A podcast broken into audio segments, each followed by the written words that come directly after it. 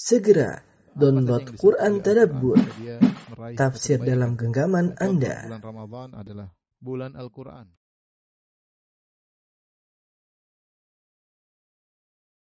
Bismillahirrahmanirrahim. Assalamualaikum warahmatullahi wabarakatuh.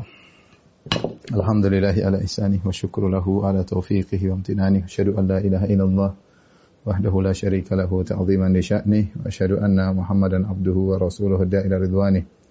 Allahumma salli alaihi wa ala alihi wa ashabihi wa ikhwanih. Para pemirsa roja di mana pun Anda berada, eh, kita melanjutkan pelajaran kita eh, surat Fatir dan kita sampai pada ayat yang ke-19. Allah Subhanahu wa taala berfirman, "Wa ma yastawil a'ma wal basir." Tidak sama antara yang buta dan yang melihat, ya. Walal dzulumatu walan nur, tidak sama juga antara kegelapan-kegelapan dan cahaya. Kemudian Allah berfirman, "Walal dhillu walal harur." Dan juga tidak sama antara yang teduh dengan uh, yang panas. Walal dhillu walal al harur. Wa yastawil ahya walal amwat. Tidak sama antara yang hidup dengan mayat-mayat. Innallaha yusmi'u may yasha. Ya, sungguhnya Allah memberi mendengarkan ya. eh, Allah memberikan pendengaran kepada siapa yang Allah kehendaki wa ma anta bimusmi'im man fil kubur. Sementara engkau tidak sanggup menjadikan orang dalam kubur bisa mendengar. In anta illa nadhir ya.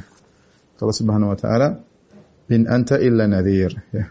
Sungguhnya engkau hanyalah pemberi eh, peringatan.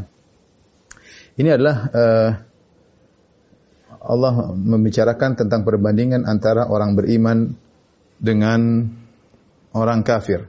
Ya, Allah memberikan perumpamaan bahwasanya tidak sama antara yang uh, buta dengan yang melihat, kemudian antara cahaya dengan kegelapan, ke- antara tempat yang teduh dengan harur dengan angin yang uh, panas, kemudian tidak sama antara yang hidup dengan yang mati. Ada dua metode tafsir di kalangan para ulama tentang tafsir ayat ini. Ya. Allah Subhanahu wa taala berfirman ya. Wa ma yastawi الأعمى والبصير. ولا ظلمات ولا النور. ولا الظل ولا الحرير. وما يستوي الأحياء wal amwat.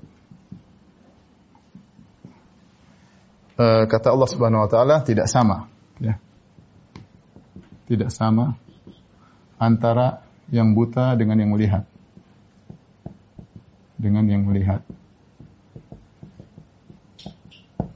Wala dhulumatu wala nur, kegelapan dengan cahaya. Tidak sama. Wala zil walil harur, zil yaitu tempat yang teduh. Dengan angin yang panas. Wa ma yastawil ahya walal amwat.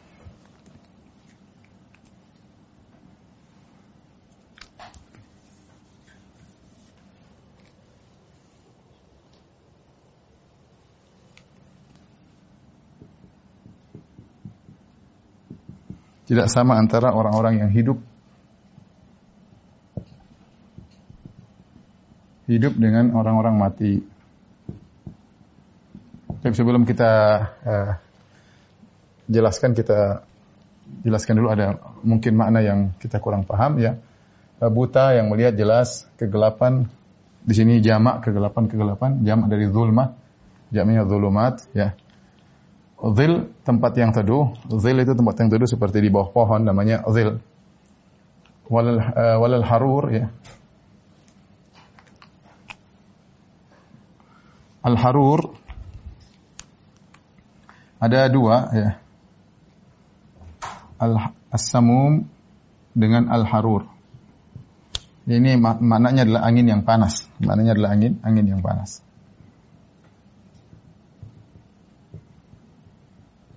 Ada khilaf samum dan al-harur. Pendapat yang kuat bahwasanya as-samum uh, apa namanya? Ini eh, angin di angin panas di siang hari.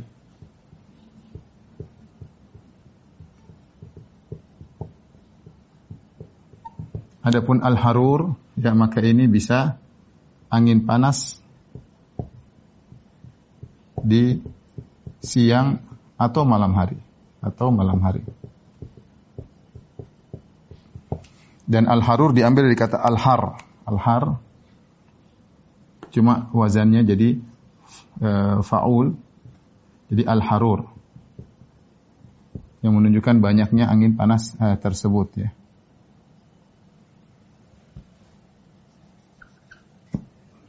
Ini makna dari uh, dari al al-harur. Taib uh, para ulama dalam menafsirkan ayat ini ada dua metode ya. Dua metode dalam penafsiran ayat ini ya. Uh, metode pertama yaitu setiap perbandingan mereka maknakan ya setiap setiap perbandingan perbandingan mengisyaratkan pada makna tertentu. Pada makna tertentu. Ini uh, jumhur ahli tafsir yang saya dapati seperti itu. Jadi mereka uh, menamakan misalnya al-a'ma maksudnya orang beriman, al-basir maksudnya orang eh, al-a'ma orang kafir, al-basir maksudnya orang beriman. Al-zulumat maksudnya adalah kekufuran, an-nur maksudnya adalah keimanan, ya. Al-zil maksudnya surga, al-harur maksudnya adalah neraka. Kemudian al-ahya maksudnya orang-orang beriman, al-amwat maksudnya orang-orang orang-orang kafir atau al-ahya maksudnya orang-orang berilmu, al-amwat maksudnya orang-orang jahil. Ini jadi masing-masing mereka uh, tafsirkan. Saya catat misalnya al-amma kata mereka ibarat dari kafir. Allah kafir. Al-basir maksudnya mukmin.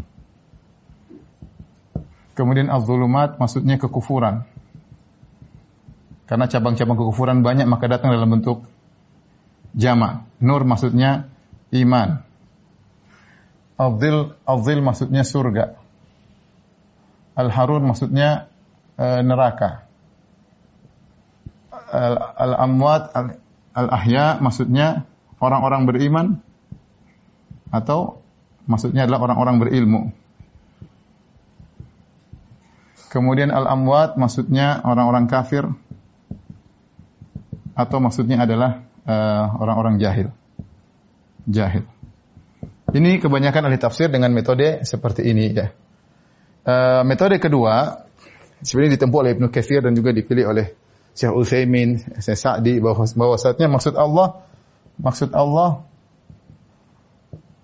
menyebutkan perbedaan antara dua hal yang menyebutkan ketidaksamaan antara dua hal yang dilihat secara kasat mata.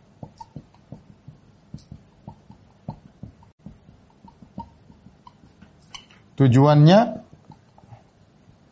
untuk menekankan perbedaan antara mukmin dan kafir. perbedaan antara mukmin dan kafir. Dan kafir. Ini jadi uh, menurut Ibnu Katsir atau sebagian ulama maksudnya Allah menjelaskan semua orang tahu orang buta tidak sama dengan orang melihat. Perbedaan jelas jelas sekali. Semua orang tahu kegelapan tidak sama dengan cahaya. Semua orang tahu tempat teduh tidak seperti tidak ada tempat berteduh, tempat yang panas, ada angin panas. Semua orang tahu orang mati tidak sama orang hidup. Kalau begitu, ini semua menggambarkan tentang semua tentu jelas berbeda antara mukmin dan kafir. Intinya itu. Ini metode yang uh, yang kedua, bukan maksudnya ditafsirkan satu persatu, tapi dua metode para mufassirin dan dua-duanya uh, punya wajhun, punya sisi tafsir yang uh, uh, yang kuat ya. Tapi perhatikan di sini, di sini mungkin ada sebagian uh, kita bicara tentang uh, i'rab atau tentang ya wala di sini la la satu la dua, la tiga, la empat, la lima. Ada lima la di sini. Satu, dua, tiga, empat, lima. Ya. Yang la di sini semua uh, di di i'rab dengan la sama dengan zaidah. zaidah. Zaidah maksudnya uh, secara lafal atau secara i'rab tidak diperlukan tidak diperlukan hanya saja didatangkan untuk penekanan. Didatangkan untuk penekanan. Untuk taukid dan ini semua kalau uh, dalam Al-Qur'an ada dikatakan zaidah tambahan. Zaidah itu maksudnya apa? Tambahan. Maka itu maksudnya adalah penekanan taukid seperti contohnya, contoh seperti dalam Al-Quran banyak. Seperti saya contohkan, uh, ihdina suratul mustaqim suratul ladzina an'amta alaihim ghairil maghdubi alaihim waladhdallin. Ya Allah tunjukkanlah kami jalan yang lurus, bukan jalan orang-orang yang kau murkahi dan juga bukan jalan orang yang seharusnya cukup lah di sini kalau tidak seandainya dibuang lah di sini dibuang maknanya juga benar Ghairil maghdubi alaihim wadhalin. Maknanya sudah tepat. Bukan jalan orang-orang yang kau murkai dan orang-orang yang sesat. Tidak perlu ada tambah la di sini, tapi la di sini untuk penekanan. Jadi artinya jauhkanlah kami di jalan orang-orang yang kau murkai dan juga eh, ada tambahan dan juga bukan jalan orang-orang yang sesat. Ya, ini la di sini disebut dengan la uh, zaidah ya. Seperti juga dalam ayat yang lain misalnya uh, fabima misalnya fabima rahmatin minallahi linta lahum. Nah, di sini ma di sini adalah zaidah ya. Ya. Seandainya dihilangkan, seandainya dihilangkan di selain Al-Qur'an kita bilang fabi rahmatin fabi rahmatin maka ini maknanya sudah benar. Ma-nya dihilangkan misalnya dihilangkan ma maka sudah benar maknanya. Tapi Allah tambah fabima ma di sini tafsir adalah zaidah tambahan dalam i'rab tidak ada i'rabnya. Tapi untuk menekan menekankan. Kalau kita bilang fabi rahmatin maka maknanya dengan rahmat Allah engkau jadi lembut kepada mereka. Tapi ketika kita tambah ma, maknanya jadi berbeda. Maknanya karena benar-benar rahmat Allah, penekanan. Karena ma di situ ma zaidah. Ini ma zaidah. Karena benar-benar rahmat Allah maka kau menjadi lembut. Sama seperti ini. Ghairil maghdubi alaihim harusnya wadhalin sudah cukup. Tapi adalah Artinya ya Allah, bukan jalan-jalan orang yang mur engkau murkai, bukan pula jalan orang-orang yang sesat. Nah, di sinilah seandainya lihat pertama di sini Allah berfirman, "Wa ma yastawil a'ma wal basir." Tidak pakai la, cukup wa ma yastawil a'ma wal basir. Tidak sama antara buta dengan orang yang melihat. Cukup wa dzulumatu wan nur. Sebenarnya tidak pakai la. Wa dzulumatu wan nur, wa dhillu wal harur. Nah, sebenarnya tidak pakai la sudah cukup, tapi Allah tambah la, la di sini para ulama mengatakan Maksudnya adalah zaidah untuk penekanan dan ini sekedar tambahan ilmu. Lah di situ adalah untuk penekanan artinya tidak sama antara orang buta dengan orang yang melihat. Dan benar-benar tidak sama antara kegelapan dengan cahaya. Dan benar-benar tidak sama antara zil dengan antara naungan dengan angin yang panas. Ya. Wa ma yastawil ahya harusnya juga wal amwat. Tidak pakai tidak pakai la. Tidak sama antara orang hidup dengan orang mati. Tapi Allah tambah lagi benar-benar tidak sama antara orang hidup dengan orang yang uh, yang mati. Ya, ini intinya adalah untuk membedakan antara orang beriman dengan orang uh, orang kafir. Mereka benar-benar tidak sama. Sebagaimana tidak samanya antara yang buta dengan yang melihat. Sebagaimana tidak samanya antara orang hidup dengan orang mati. Sebagaimana tidak samanya antara tempat yang teduh dengan tempat yang panas. Sebagaimana tidak sama antara kegelapan dengan cahaya. Ya, ini maksudnya penekanan. Sebagaimana pendapat Ibnu Katsir dan Syekh Sa'di dipilih Syekh Utsaimin, penekanan bahwasanya Allah memberi perumpamaan suatu yang hisi yang dilihat untuk menjelaskan suatu yang maknawi ya. Sebagaimana kau lihat orang buta tidak sama orang meli, orang yang melihat, demikian juga antara orang kafir dengan orang mukmin tidak samanya seperti itu. Benar-benar tidak tidak sama ya. Taib. Kemudian setelah itu Allah uh, berfirman ya. Tolong dihapus. Uh, Innallaha yusmi'u man yasha. Sungguhnya Allah menjadikan siapa yang Allah kehendaki uh, bisa mendengar. Innallaha yusmi'u man yasha wa ma anta bimusmi'in man fil kubur. Dan engkau tidak bisa membuat orang dalam kuburan bisa mendengar. Ya. In anta illa nadhir. Kau hanyalah pemberi peringatan. Ya, di sini Allah menjelaskan bahwasanya yang memberikan hidayah hanyalah Allah. Nabi SAW hanyalah memberi hidayah tu al-irsyad ya atau hidayatul ilm. Nabi hanya menjelaskan ilmu ya hanya memberi petunjuk, hidayatul irsyad, wa innaka latahdi ila siratim mustaqim. Sungguh engkau benar-benar Muhammad beri petunjuk kepada jalan yang lurus. Tetapi yang buat mereka bisa menjawab seruan Nabi, bisa mendengar dengan pendengaran, menerima apa yang didakwakan oleh Nabi hanya Allah Subhanahu wa taala. Itu hidayatul taufik. Itu disebut dengan hidayatul amal. Bagaimana mengamalkan ilmu yang telah mereka pahami. Bisa jadi di antara mereka ada orang kafir yang paham apa yang diajarkan oleh Nabi, tapi hatinya tidak tertarik untuk mengamalkan apa yang diajarkan oleh Rasulullah SAW. Makanya Allah mengatakan Inna Allah yusmi umayyasha. Allah yang maknanya secara bahas secara bahasa maknanya sungguhnya Allah menjadikan siapa yang Allah kehendaki untuk mendengarmu. Tapi kalau kita artikan secara maknawi maksudnya Allah memberi hidayah kepada siapa yang Allah kehendaki. Allah beri hidayah kepada siapa yang Allah kehendaki.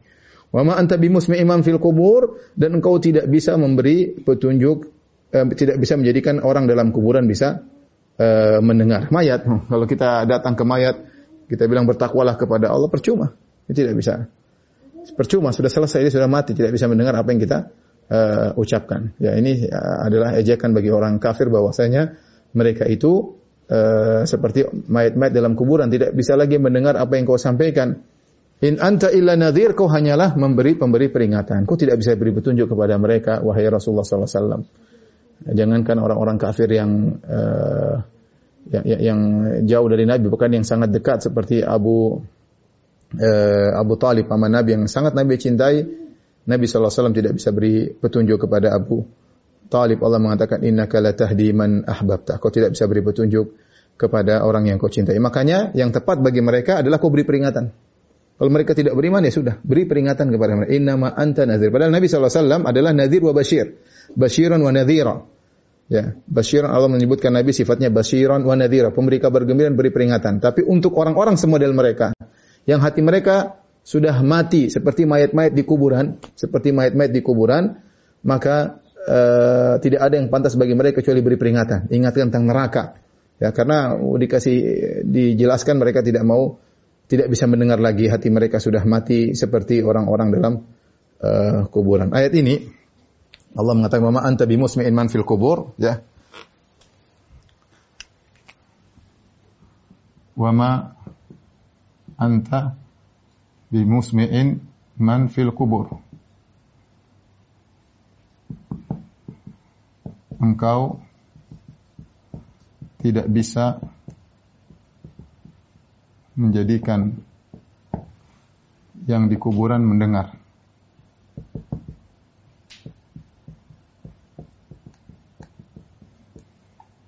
Apa tujuan Allah mendatangkan ayat ini? Tujuannya artinya uh, perumpamaan, artinya sebagaimana sebagaimana engkau tidak bisa memberi menjadikan orang di kuburan mendengar, maka demikian pula Demikian pula engkau tidak bisa menjadikan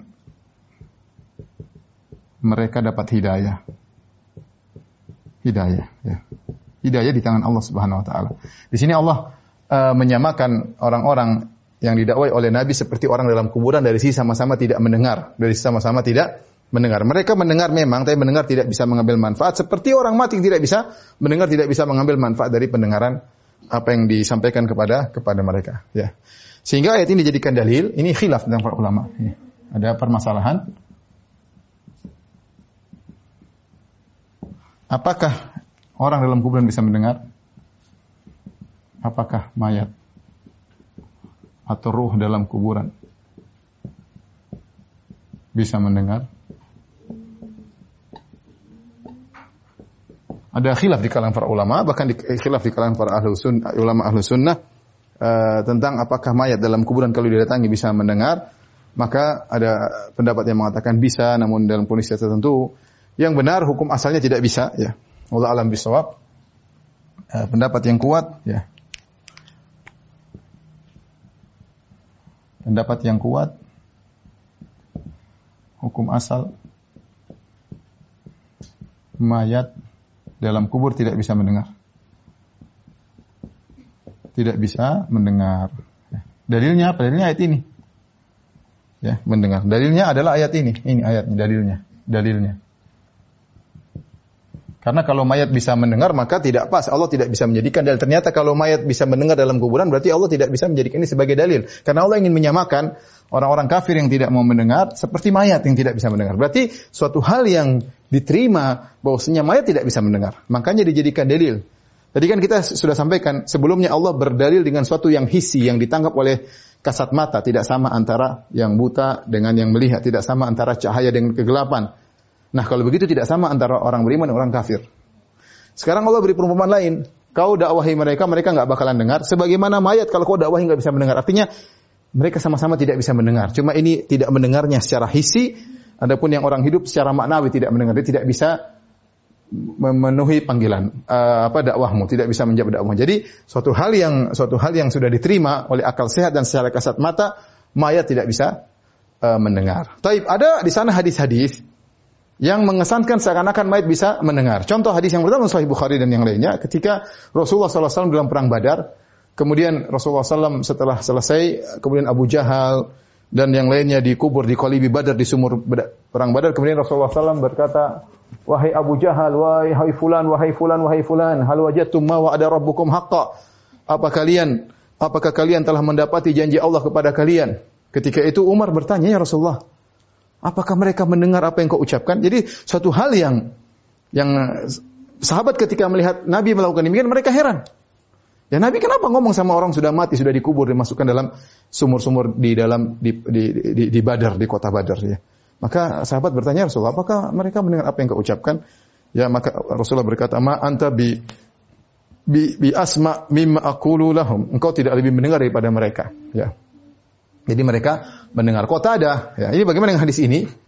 Maka ditafsirkan oleh sebagian salaf seperti kota ada, kota ada bahwasanya Allah mengembalikan ruh mereka untuk mendengar perkataan Nabi. Allah mengembalikan ruh mereka untuk mendengarkan perkataan Nabi sehingga dipahami ini kondisi khusus. Karena Nabi SAW tidak pernah uh, melakukan hal yang serupa dengan yang lainnya ya. Tapi adalah kondisi khusus ya. Sehingga Qatadah menafsirkan, Qatadah tabi'in dia menafsirkan bahwasanya Allah mengembalikan ruh mereka untuk mendengar perkataan Nabi ini kondisi khusus. Jadi hukum asal mayat tidak bisa mendengar kecuali kondisi tadi Nabi di antara mukjizat Nabi yaitu Nabi bicara dengan mereka dan mereka dengar ini mukjizat Nabi Shallallahu alaihi wasallam, kondisi khusus bagi Nabi. Contoh lagi dalil bahwasanya uh, mayat uh, bisa uh, mendengar seperti dalam hadis bahwasanya ketika mayat dikubur kemudian orang-orang pergi maka mayat mendengar langkah sendal-sendal uh, mereka ya. Maka para ulama menjelaskan ini juga pendengaran khusus. Tidak disebutkan mayat mendengar mereka ngomong ini ngomong anu cuma mendengar langkah kaki mereka. Sehingga dia sedih ketika ditinggalkan oleh mereka ya. Tidak melazimkan dia mendengar perkataan orang di atas kuburan. Allah Nabi hanya menyebutkan dia mendengar langkah kaki mereka. Seandainya Nabi, seandainya mayat mendengar ucapan mereka, obrolan mereka, Nabi akan sebutkan. Bahkan bukan cuma sendal suara sendal mereka, bahkan obrolan mereka mayat dengar. Tapi jawabannya tidak. Ya, Nabi hanya mengatakan mayat tersebut mendengar langkah kaki mereka. Qur'ani alihim, ya. Langkah sendal mereka menunjukkan mayat aslinya tidak mendengar. Ini pendengaran khusus pendengaran tentang langkah kaki mereka yang meninggalkan kuburan sehingga membuat dia bersedih dia tahu bahwasanya saudara-saudaranya, teman-teman yang mengantarnya akan meninggalkan kuburan dia bersendirian dalam kuburan. Demikian dalam satu hadis yang dipresisikan oleh para ulama, namun yang benar hadisnya dhaif, yaitu bahwasanya disebutkan uh, jika ada seorang datang ke kuburan ya yang dulu dia kenal di dunia kemudian beri salam kepadanya maka dia akan menjawab salam. Ya mimman kana ya'rifuhu fid dunya. Kalau ada seorang di kubur terus temannya dulu waktu dunia mereka saling kenal. Kemudian orang yang kenal datang ke kuburan memberi salam maka didengar oleh penghuni kubur. Pertama hadis ini dhaifkan oleh Syekh Albani rahimahullahu taala karena dalam sanatnya ada rawi-rawi yang tidak dikenal ya ada yang majhul Kemudian uh, yang meskipun hadis dibawa oleh Ibnu Abdul Bar tapi ada uh, apa namanya di dalam sanadnya rawi yang, yang majhul. Ya, yang kedua kalaupun hadis ini sahih, maka ini pendengaran khusus juga. Pendengaran khusus salam, hanya salam. Salam dari siapa? Salam orang yang dulu pernah dikenal di dunia. Artinya tidak semua orang datang ke situ bisa dia dengar salamnya. Karena memang karena ya'rifu fid dunia dia hanya mengenal orang salam mendengar salam orang yang uh, salam orang yang dia kenal di dunia. Ya. Sehingga ini merupakan pendengaran khusus. Wallahu alam bisawab ya. Bahwasanya pendapat yang benar mayat tidak bisa uh, mendengar. Jika mayat bisa mendengar maka tidak pas pendalilan Allah. Allah berdalil untuk menunjukkan orang-orang kafir yang dakwai oleh Nabi tidak bisa mendengar sebagaimana mayat tidak bisa mendengar. Berarti hukumnya mayat tidak bisa mendengar itu yang kita tangkap secara hisi mayat tidak bisa mendengar. Kalau sudah mati mau kita goyang dia tidak tidak uh, mendengar. Wallahu alam uh, bisawab ya. Ya, dari situ kemudian muncul khilaf di kalangan para ulama tentang orang yang datang ke kuburan kemudian berbicara dengan uh, penghuni kubur, wahai penghuni kubur sampaikanlah permintaanku kepada Allah misalnya atau dia minta tolong kepada penghuni kubur, maka ini apakah dia syirik akbar atau syirik asgar? Maka ada khilaf di kalangan para ulama karena ada syubhat bahwasanya uh, mayat tersebut mendengar kalau dia minta tolong agar disampaikan permintaannya kepada Allah Subhanahu wa taala ya ketika dia di dekat kuburan. Tapi kalau dia jauh dari kuburan, maka ini jelas ya pembicaraan kita syubhat tentang orang yang datang dekat kuburan. Apakah mengunjungi, apakah ngelayat, ataukah uh, ziarah ya. Tidak ada dalil yang mengatakan mayat mendengar secara secara mutlak nggak ada. Tapi kalau orang dari jauh minta ya Sayyidil Badawi wahai Abdul Qadir Jailani dari jauh dia minta maka ini jelas kafir. Karena seakan-akan mayat tersebut maha mendengar. Ya, lain hanya kalau di depan kuburan kemudian dia minta uh, apa namanya agar disampaikan permintaannya dan yang lainnya maka ini memang ada khilaf apakah dia syirik ataukah dia bid'ah maka ada pembahasan di kalangan para para ulama Allah alam bisawab ya intinya yang benar mayat tidak bisa mendengar setelah itu Allah berfirman in anta illa nadhir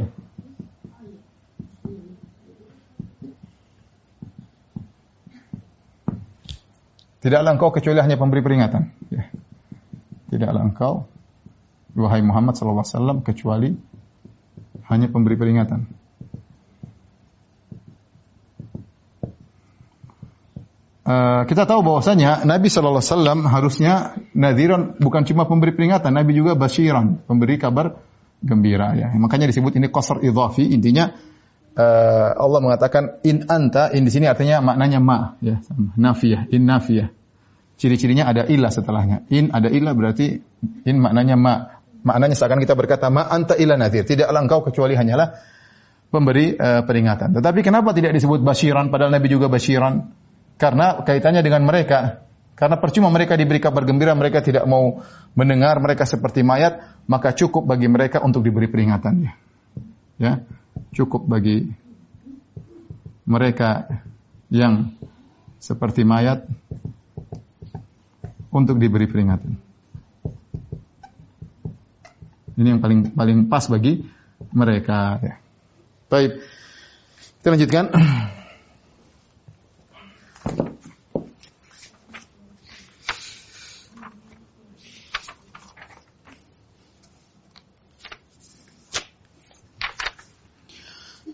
Uh, kata Allah Subhanahu wa taala, "Inna arsalnaka bil haqqi basyiran wa nadhira." Perhatikan di sini Allah berfirman setelah itu, "Inna arsalnaka Inna arsalnaka bil haqqi basyiran uh,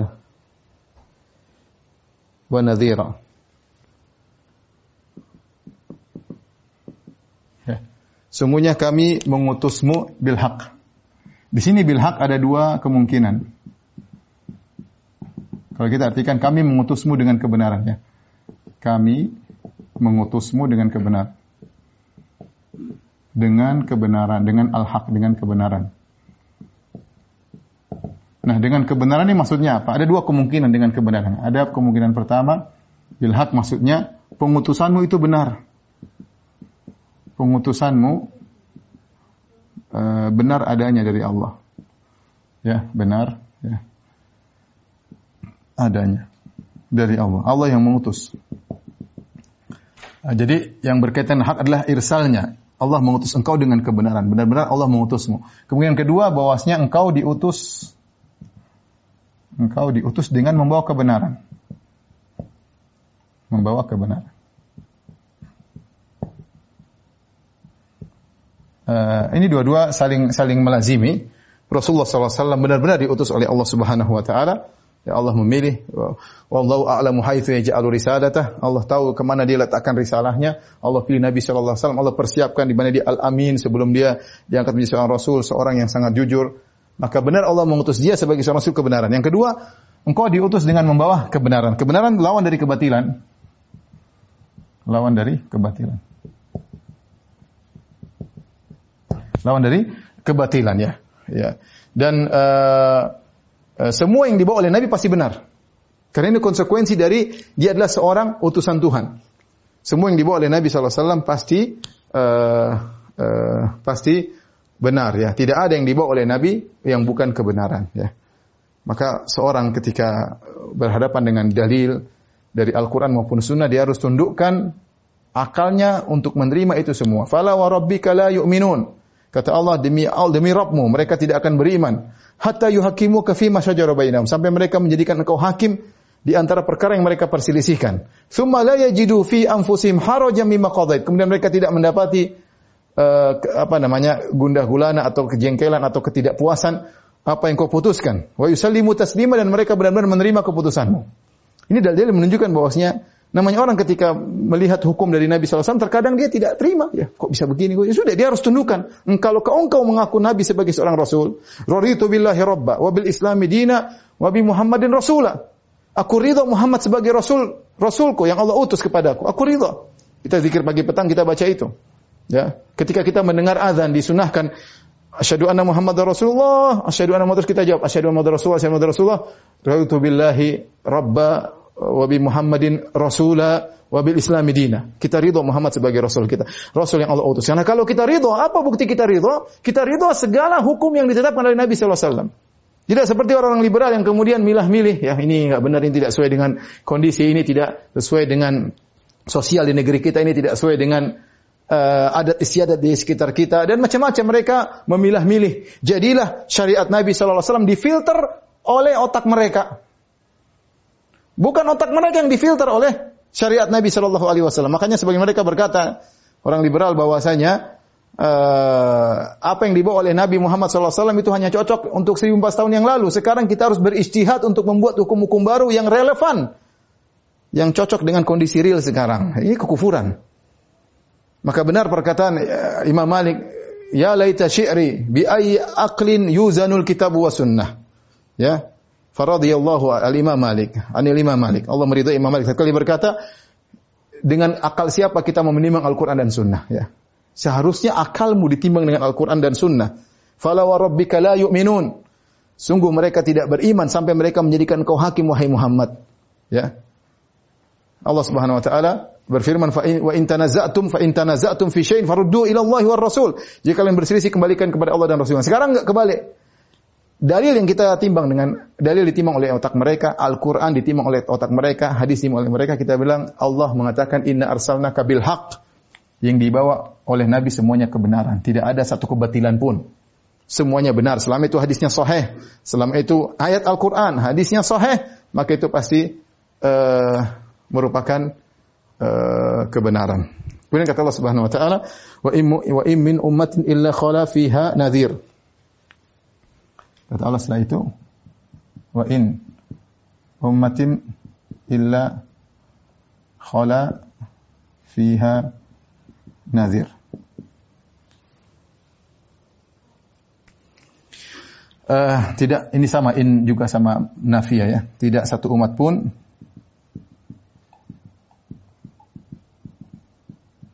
kecuali uh, telah uh, berlalu padanya seorang pemberi peringatan.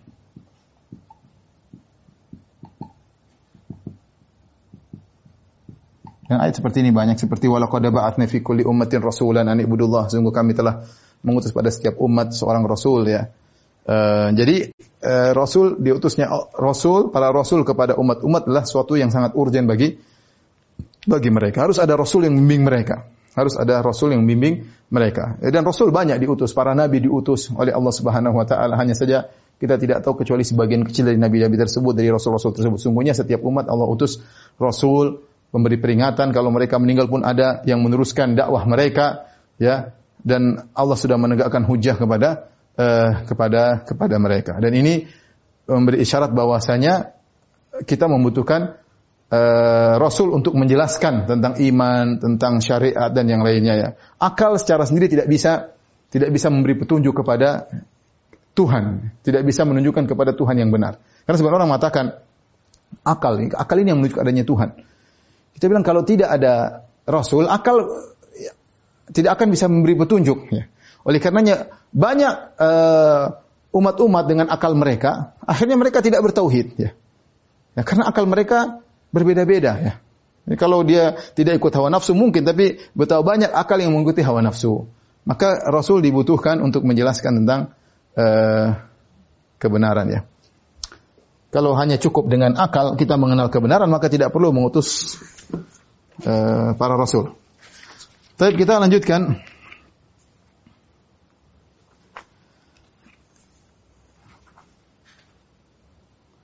Allah Subhanahu wa taala berfirman setelah itu wa iyyukadzibuka faqad kadzdzaba alladziina min qablihim ja'atuhum rusuluhum bil bayyinat wa bizuburi wa bil kitabil munir. Kata Allah Subhanahu wa taala, jika mereka mendustakan engkau wahai Muhammad, faqad kadzdzaba alladziina min qablihim. Sungguh sebelum mereka juga ada orang-orang yang telah mendustakan nabi-nabi mereka. Ja'atuhum rusuluhum bil bayyinat. Sungguhnya rasul-rasul dahulu telah datang kepada umat-umat mereka bil bayyinat dengan ayat-ayat yang jelas, wabil zuburi dengan ayat-ayat yang tertulis, wabil kitabil munir dengan uh, kitab yang uh, kitab yang memberi penjelasan yang sempurna.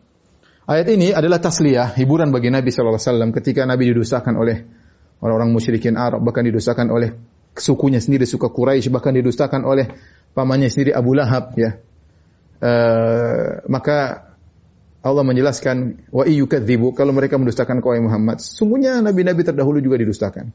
Mereka juga sama seperti engkau hai Rasulullah. Mereka datang dengan bal bayinat, dengan ayat-ayat ya. Bil bayinat maksudnya ayat-ayat yang jelas ya seperti mukjizat ya. Mereka datang datang dengan mukjizat ya dan sebagaimana dalam hadis kata Rasulullah sallallahu alaihi wasallam minal anbiya nabiyyun illa qad u'tiya minal ayati ma mithluhu amana alaihil bashar. Tidak ada seorang nabi pun yang diutus oleh Allah kecuali dia diberikan ayat-ayat, diberikan bayinat, diberikan bukti-bukti yaitu orang bilang mukjizat yang cukup untuk manusia beriman dengan ayat-ayat tersebut. Dan setiap nabi pasti dibekali dengan uh, mukjizat. Kita tahu atau kita tidak tahu ya. Ya karena uh, ini pembeda antara kufur dengan uh, dengan al-haq. Oleh karenanya setiap nabi diberi dengan mukjizat yang uh, menonjol yang unggul di zaman mereka sebagaimana disebut oleh Ibnu Katsir rahimahullahu taala. Contohnya seperti Nabi Isa diutus di zaman orang lagi membangga-banggakan tentang pengobatan, maka Nabi Isa bisa mengobati dengan luar biasa, dengan menyentuh bisa sembuh. Tidak ada sampai sekarang yang bisa menyembuhkan hanya dengan menyentuh. Apalagi dari buta bisa melihat, tidak ada. Ya, kemudian dari penyakit sopak disentuh bisa sembuh. Bahkan mayat dihidupkan oleh Nabi Isa alaihissalam. Ya, kemudian meskipun untuk berbicara kemudian kembali mati, tapi tidak ada yang bisa melakukan sampai sekarang. Dan itu adalah mukjizat ya, mukjizat. Mukjizat beda dengan karomat. Ini perlu kita perhatikan. Ini dijelaskan panjang lebar oleh Ibnu Taimiyah dalam kitabnya An-Nubuwat ya.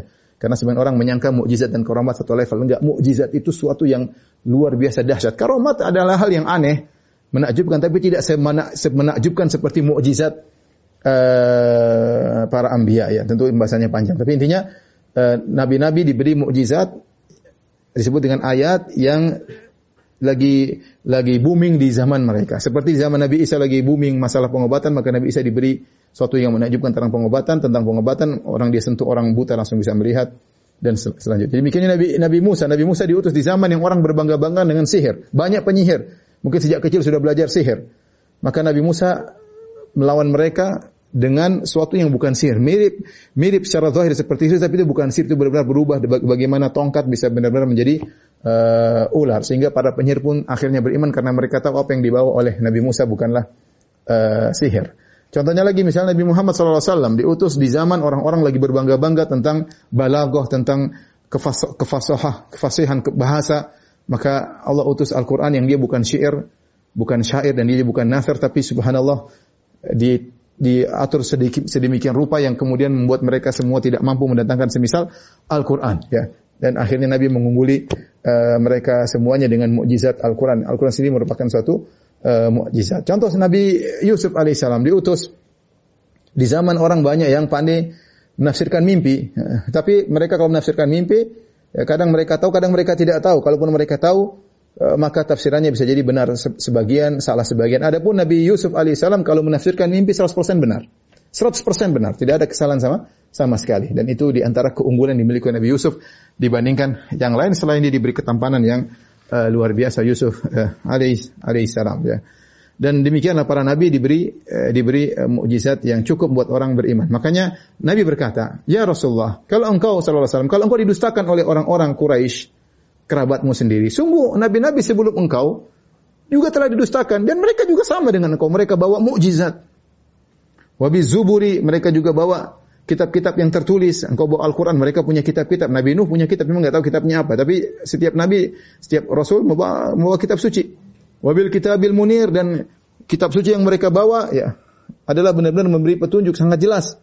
Tapi toh mereka tetap didustakan. Mereka maka engkau janganlah terlalu bersedih karena yang sebelum engkau telah datang orang-orang para nabi uh, seperti engkau dan mereka juga didustakan. Thumma akhadtu alladziina kafaru fa kaifa kana nakir? Kemudian kata Allah Subhanahu wa taala, kemudian aku adab orang-orang kafir ya. Fa kaifa kana nakir? Lihatlah bagaimana Eh, kemungkaran apa pengingkaranku terhadap mereka yaitu dengan memberi adab yang syadid, adab yang pedih. Ya, mereka uh, aku aku aku hukum mereka, aku adab mereka ya dan lihatlah bagaimana pengingkaranku terhadap mereka itu bagaimana kerasnya adabku kepada mereka. Allah memberi adab dengan kepada umat-umat terdahulu dengan berbagai macam model ya. Sebagaimana sudah kita jelaskan dalam kisah-kisah para nabi yang ada yang diadab dengan diberikan halilintar, ada yang diadab dengan suara guntur yang dahsyat, ada diadab dengan gempa yang dahsyat, ada yang uh, diadab dengan ditenggelamkan, ya, ada yang diadab dengan dikirim angin yang kuat sehingga mengangkat mereka berhari-hari, mengocok mereka sampai usus mereka lepas semuanya, dan ada yang diadab seperti diangkat seperti kaum Nabi Lut, kampungnya diangkat terus dibalik kemudian dihujani dengan hujan uh, batu yang panas dan berbagai macam kaum yang diadab oleh Allah Subhanahu wa taala. Dan ini juga uh, hiburan bagi Nabi sallallahu alaihi wasallam bahwasanya orang-orang kafir tersebut mereka akan dihukum oleh Allah Subhanahu wa taala cepat atau lambat di dunia atau di uh, akhirat. Alhamdulillah uh, para pemirsa Radio Raja di mana pun Anda berada, uh, teruslah kita dekat dengan Al-Qur'an, sabar dalam membaca ayat-ayatnya, sabar dalam pelajari isinya ya. Allah telah uh, menjelaskan tentang sifat-sifatnya, tentang syariatnya dengan Al-Qur'an, bahkan mengutus seorang rasul untuk menyampaikan risalah dari Allah Subhanahu wa taala. Maka seorang berusaha mempelajari risalah tersebut, pelajari Al-Quran tersebut. Inilah kitab kebahagiaan. Inilah Al-Quran, kitab uh, ketenangan ya, ya, di dunia maupun di akhirat. Semoga Allah Subhanahu wa taala menjadikan kita ahlul Quran dan orang-orang yang senantiasa uh, dekat dengan Al-Quran. Wabillahi taufiq wal hidayah. Assalamualaikum warahmatullahi wabarakatuh. Segera download Quran Tadabbur, tafsir dalam genggaman Anda. Bulan Ramadan adalah bulan Al-Quran.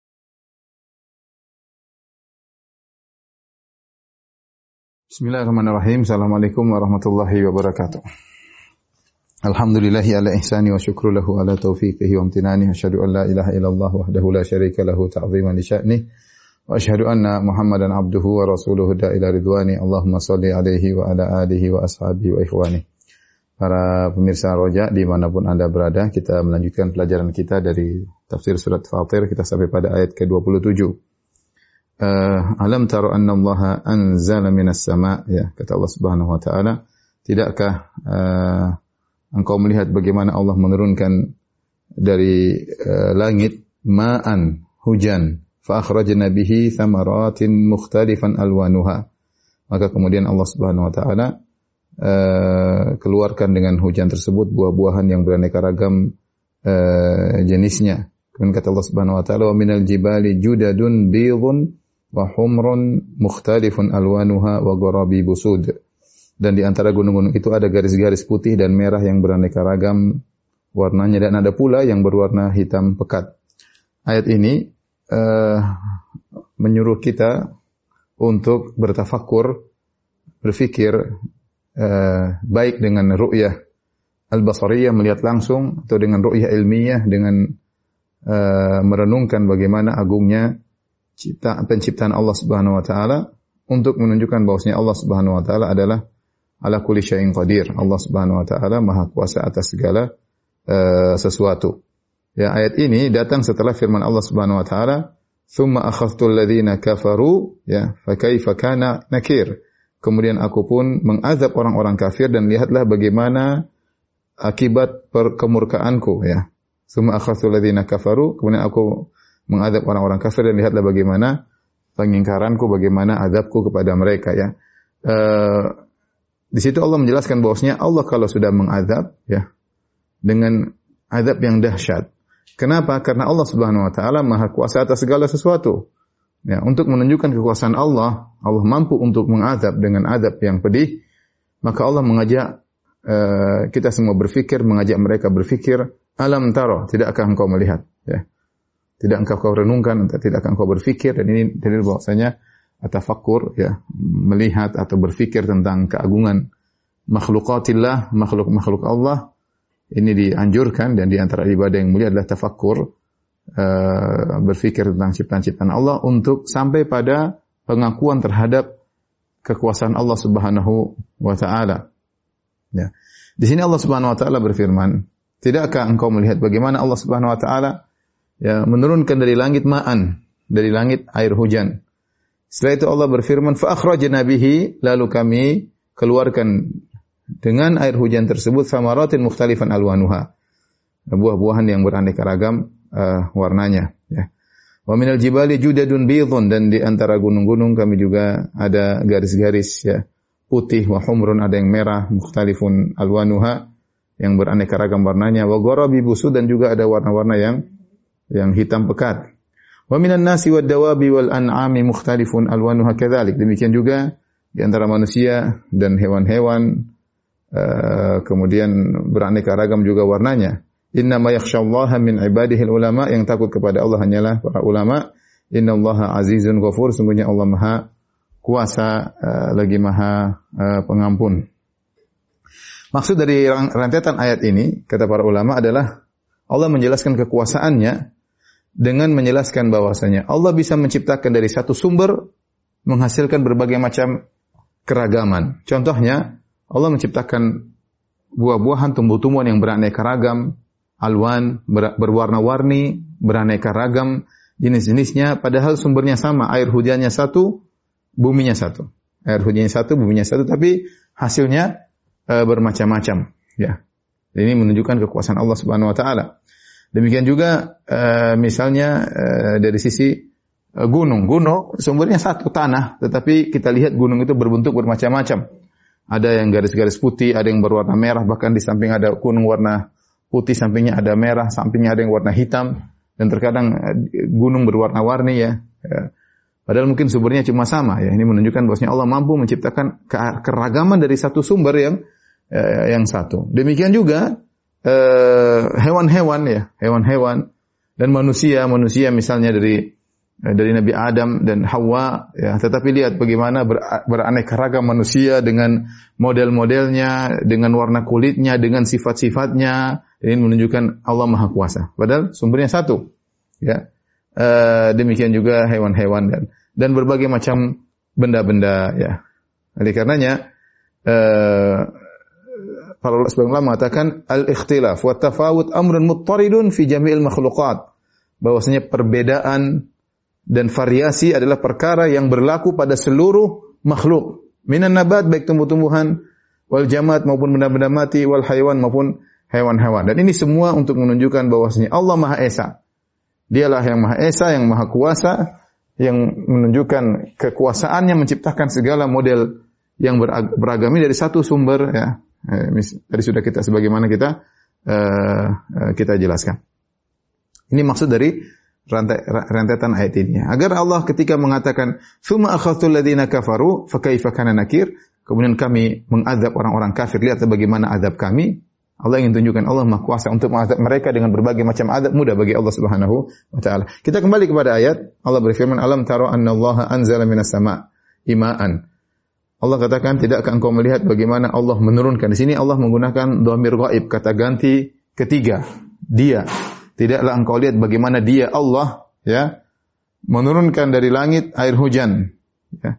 Kemudian Allah merubah dari kata ganti ketiga menjadi kata ganti uh, pertama jamak fa akhrajna bihi lantas kami keluarkan ya, dengan air hujan tersebut samaratin mukhtalifan alwanuha buah-buahan yang beraneka ragam warnanya perubahan dari Allah kepada kami dari alam taru Allah sungguhnya Allah dengan fa akhrajna maka kami pun keluarkan maka ini disebut dengan iltifat. Ya. Iltifat yaitu perubahan, uh, pengalihan dari kata ganti ketiga menjadi kata ganti uh, pertama jamak nahnu fa akhrajna kami dan ini Salah satu metode dalam bahasa Arab untuk agar yang yang mendengar fokus ya, fokus karena kalau uh, selalu dengan kata ganti orang ketiga mungkin kurang fokus begitu dirubah namanya iltifat dan ini duanya dalam Al-Qur'an. Jadi kata ganti ketiga menjadi kata ganti pertama, maka ini menarik perhatian bagi pendengar dan biasanya ada sesuatu yang yang harus diperhatikan ya. Seperti di sini disebutkan bagaimana uh, dari air hujan tersebut yang satu air hujan tersebut fa ini perkara yang menakjubkan ya karena turunnya hujan suatu perkara yang menakjubkan. Turunnya hujan perkara yang menakjubkan. Lebih menakjubkan lagi ketika air hujan tersebut bisa menumbuhkan. Dan lebih menakjubkan lagi ketika tumbuhan tersebut ternyata bervariasi. Ya, saya ulangi, uh, turunnya air dari langit adalah perkara yang menakjubkan ya. Di luar dari kemampuan manusia makhluk. Itu Tuhan yang bikin. Air turun dari dari awan, dari langit. Perkara yang menakjubkan. Alam taru anna Allah tidak kau lihat bagaimana Allah menurunkan hujan dari langit. Perkara yang menakjubkan. Lebih menakjubkan lagi, fa akhrajna bihi. Ternyata dengan air hujan tersebut kami tumbuhkan tuh tumbuhan. Makanya rubah menjadi kata ganti orang pertama. Lebih menakjubkan lagi, tumbuhan yang tumbuh dari air hujan tersebut ternyata samaratin mukhtalifan alwanuha. Beragam uh, warna-warnanya, tumbuh-tumbuh buahan yang beragam warna-warnanya. Alwanuha, alwan jamak dari laun adalah warna dan dalam bahasa Arab bisa dua makna. Bisa artinya adalah benar-benar warna, yaitu tumbuh-tumbuhan tersebut ada warna hijau, ada merah, ada kuning, ada jingga, ada ungu, uh, beraneka ragam ya, ada ada pink ya, demikian itu tumbuhan, ada coklat, berbagai macam warna. Bisa juga alwanuha maksudnya adalah ajnasuha, jenis-jenisnya. Ini dua-dua datang dalam bahasa Arab. Dan ini uh, maknanya sama, ya, artinya cocok dengan ayat ini dan kita bisa maknakan samaratin mukhtalifan alwanuha, buah-buahan yang ber beraneka ragam uh, warnanya dan juga buah-buahan yang beraneka ragam jenisnya ya. Kita lihat uh, ada mangga, ada eh, banyak buah-buahan. Ada apel, ada durian, ada macam-macam. Mangga pun ada macam-macam warni, warna-warninya. Kadang satu jenis saja warna-warninya dan jenis-jenis banyak ya. Dan ini menunjukkan keagungan Allah Subhanahu wa taala. Airnya satu, tanahnya satu, buah-buahannya beraneka ragam dengan berbagai macam uh, rasa uh, rasanya ya. Dan sehingga nampak begitu uh, begitu indah ya. Kemudian uh, selain uh, buah-buahan di antara yang bervariasi beraneka ragam adalah gunung. Kata Allah Subhanahu wa taala wa minal jibali judadun baydun wa humrun ya dan di antara uh, gunung-gunung dan di antara gunung-gunung itu ada garis-garis putih ya judat eh, jamak dari jadah atau judah yang maknanya torik itu jalan ya jadi judadun itu jalan-jalan kalau lihat eh, seperti di gunung seperti ada jalan-jalan ya. Maksudnya adalah warna-warni di gunung. Ada eh, keragaman ya. Eh, gunung-gunung itu terkadang dalam satu rentetan gunung ada yang coklat ada yang hitam ada yang merah ya. Bahkan dalam satu apa namanya gunung terkadang ada warna-warni. Sebagaimana bisa kita lihat di gambar-gambar banyak ya. Gunung itu terkadang berwarna-warni ya. Judadun bidun ada garis-garis putih. Wa humrun ada garis-garis merah ya uh, mukhtalifun alwanuha yang beragam warna-warninya wa gharabi busud gharabib ya gharabib uh, jamak dari al-ghirbib. Al-ghirbib adalah huwa alladhi ab'ada fis sawat, yaitu yang hitamnya pekat. Ya, wal gharabi busud maksudnya ada garis-garis hitam yang pekat. Dan ini juga menunjukkan tentang agungnya Allah Subhanahu wa taala bagaimana Allah tidak menjadikan gunung cuma satu model. Gunung itu beraneka ragam. Bahkan berwarna-warni, menunjukkan unsur pembuatnya berwarna-warni, ya. Ya, mungkin sama-sama tanah, sama-sama batu, tapi ketika Allah munculkan dari sama-sama tanah, sama-sama batu, ternyata tanah tersebut beragam, eh, batu-batu tersebut beragam sehingga berwarna-warni. Ini menunjukkan agungnya Allah Subhanahu wa taala. Sehingga ketika ketika kita melihat begitu indah eh, gunung-gunung uh, tersebut. Ini di antara sering yang saya sebutkan dalil tentang adanya Tuhan bahwasanya uh, Tuhan itu ada di antaranya Tuhan ketika menciptakan dengan tujuan. Dengan tujuan adanya keindahan, ya variasi, ini menunjukkan adanya adanya Tuhan. Berbeda dengan orang-orang ateis yang mengatakan alam semesta terjadi dengan sendirinya, dengan teori evolusi dan yang lainnya. Kita bilang seandainya alam semesta terjadi dengan sendirinya, maka uh, tidak perlu indah. Yang penting ada buah mengenyangkan selesai. Tapi ternyata buah-buahan tersebut bukan cuma buah, tapi beragam. Beragam berwarna-warni. Menunjukkan Tuhan ketika menciptakan ingin adanya keindahan untuk menunjukkan keesaannya. Kalau Tuhan tidak ada, mungkin gunung terjadi begitu saja dengan satu satu model. Ya, yang penting ada gunung selesai. dengan teori evolusi, tetapi ternyata tidak. Ternyata gunung tersebut beragam dengan berwarna-warni, menunjukkan ada Tuhan yang menciptakannya. Yang yang mengkerit, yang mengkreasi ini ada punya tujuan. Tujuannya adalah untuk menunjukkan keindahan, tujuannya adalah untuk menunjukkan keesaannya dengan beragam ciptaannya. Ini menunjukkan ada ada Tuhan. Oleh karenanya sebagian orang mengatakan kalau Anda berdebat dengan orang ateis, ya, cukup berdebat tentang dalil keindahan, bahwasanya alam semesta indah. Seandainya alam semesta terjadi dengan sendirinya dengan teori evolusi, dengan persaingan dan yang lainnya, maka tidak perlu keindahan, tidak perlu keindahan. Tapi ternyata Allah memberikan banyak keindahan dalam alam semesta ini yang menunjukkan ada sang pencipta, sang kreator ingin memberikan warna keindahan di alam semesta ini. Di antaranya buah-buahan yang beragam agar manusia tidak bosan. Rasanya macam-macam, warnanya beda-beda. Gunung saja yang benda mati seperti ternyata juga warnanya beda-beda ya. Sebenarnya Allah sebutkan ini di antara tanda kekuasaan Allah Subhanahu wa taala. Kenapa gunung tidak coklat melulu, hitam melulu? Kenapa tanahnya beragam-ragam ya? Kenapa batunya bermacam-macam? Ya. Siapa yang ciptakan? Tuhan. Ya, Tuhan ya. Padahal suatu hal yang tidak dibutuhkan harus beragam-ragam. Kalau memang hanya alam semesta terjadi sendirinya tidak perlu seperti itu. Tapi ternyata Allah Subhanahu wa taala menjadikannya beragam untuk menunjukkan adanya sang pencipta. Ternyata keragaman tersebut atau variasi tersebut bukan hanya pada buah-buahan, bukan hanya pada gunung warna-warninya, ya tetapi juga pada manusia. Wa minan nasi wad dawabi wal an'am. Kata Allah demikian juga di antara manusia dan binatang-binatang melata dan binatang-binatang ternak, ya. Mukhtalifun alwanuhu kadzalik. Ternyata berwarna-warni juga ya, sebagaimana tumbuhan sebagaimana gunung-gunung tadi berwarna-warni kadzalik demikian juga. Ya. Kita lihat eh, hewan-hewan uh, beragam ya, tidak satu model. Kambing saja beragam, ada kambing Jawa, ada kambing domba ya, itu juga macam-macam. Sapi aja beragam. Tanya para penjual sapi, sapi beragam ya. Kuda aja berapa macam modelnya. Hewannya berapa modelnya? Kuda berapa modelnya ya. Luar biasa kuda ini, kuda anu, kuda ini. Oh, luar biasa. Kita lihat ikan berapa model di, di lautan ya. Kalau cuma hanya sekedar untuk mengenyangkan manusia dengan terjadinya proses uh, evolusi uh, mungkin ya satu ikan satu model ikan sudah cukup ternyata ikan dengan berbagai macam modelnya. Terbentuk sistem ekosistem lah macam-macam lah luar biasa. Ini ada Tuhan yang menciptakannya ya. Ada Tuhan yang menciptakannya ya. Berwarna berwarna-warni di sini dan di sini lebih cocok alwanuha maksudnya selain warna jenis-jenisnya. Wa alwan di sini maknanya jenis-jenis ya. Atau warna juga bisa ya.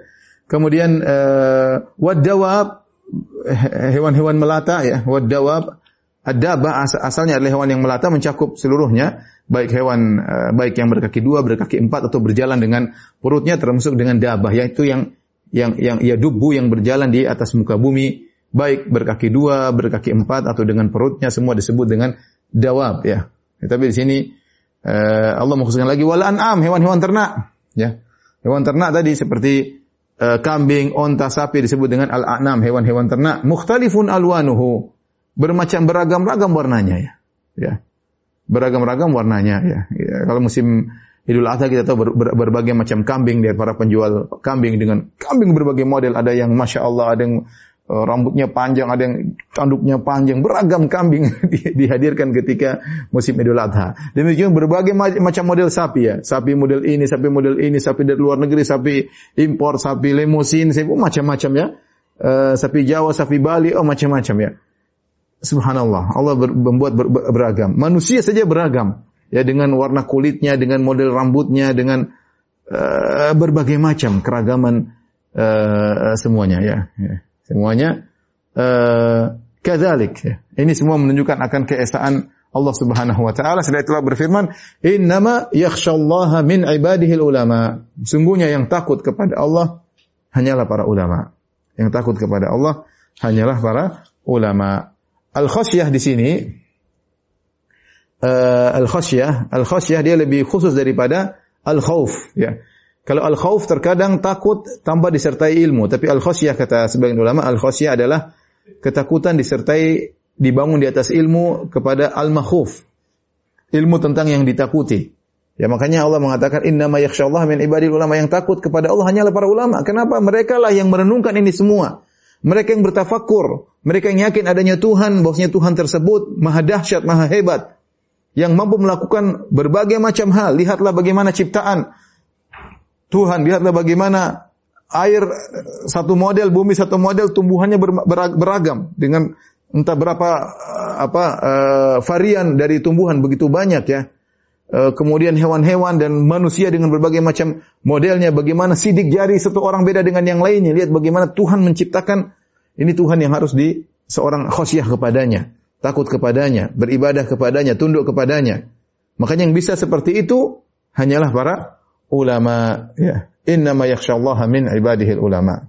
Sungguhnya yang takut kepada Allah hanyalah para ulama, yaitu orang yang berilmu, yang taat kepada Allah Subhanahu wa taala, yang tahu tentang keagungan Allah Subhanahu wa taala, yang merenungkan keagungan alam untuk menunjukkan agung agungnya Sang Pencipta. Innallaha azizun ghafur. Sungguhnya Allah Subhanahu wa taala aziz, yaitu maha uh, maha kuasa. Al-Aziz ya Izzah, maha kuasa di antara kekuasaannya, kemampuannya untuk menciptakan ini semua ya. Uh, menciptakan makhluk yang beragam dan saling bertentangan ya. Ada yang gini, ada yang begitu, ada yang memangsa, ada yang dimangsa, ada predator, ada yang dimangsa dengan berbagai, ada yang baik, ada yang jahat, berbagai macam. Ya, ada matahari rembulan, makhluk beraneka ragam dan saling uh, berlawanan. Ini tidak mungkin diciptakan kecuali dari zat yang kamilul izzah, yang ke, uh, kekuasaannya uh, sempurna. Kemudian Allah mengatakan Ghafur yang maha uh, pengampun. Ya, ini inilah dua sifat ini Al Aziz, Inna Allah Azizun Ghafur.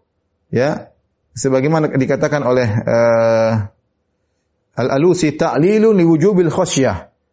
Ini Allah menyebut sebab kenapa para Allah, Allah harus dikhasyati harus di khasyah Allah orang harus khasyah kepada Allah Subhanahu wa taala. Kenapa para ulama khasyah kepada Allah? Selain tadi disebutkan ya tentang penciptaannya, kenapa? Karena innallaha aziz. Allah Maha perkasa ya. Allah Maha perkuasa, perkasa. Kamilul kudrah, kudrahnya sempurna. Lihatlah bagaimana dia menciptakan alam semesta dengan dengan uh, kehebatannya. Oleh karenanya dia uh, ala ala kamalil qudra ala intiqam Allah mampu untuk menyiksa Allah mampu untuk membalas karena dia aziz dia mampu untuk membalas ya dia mampu untuk membalas jadi perlu ditakuti karena Allah kalau ingin balas mudah bagi Allah Subhanahu wa taala dengan kuasaan yang maha kuasa seperti ini. Kemudian Allah gandengkan dengan Ghafur. Ghafur adalah maha pengampun.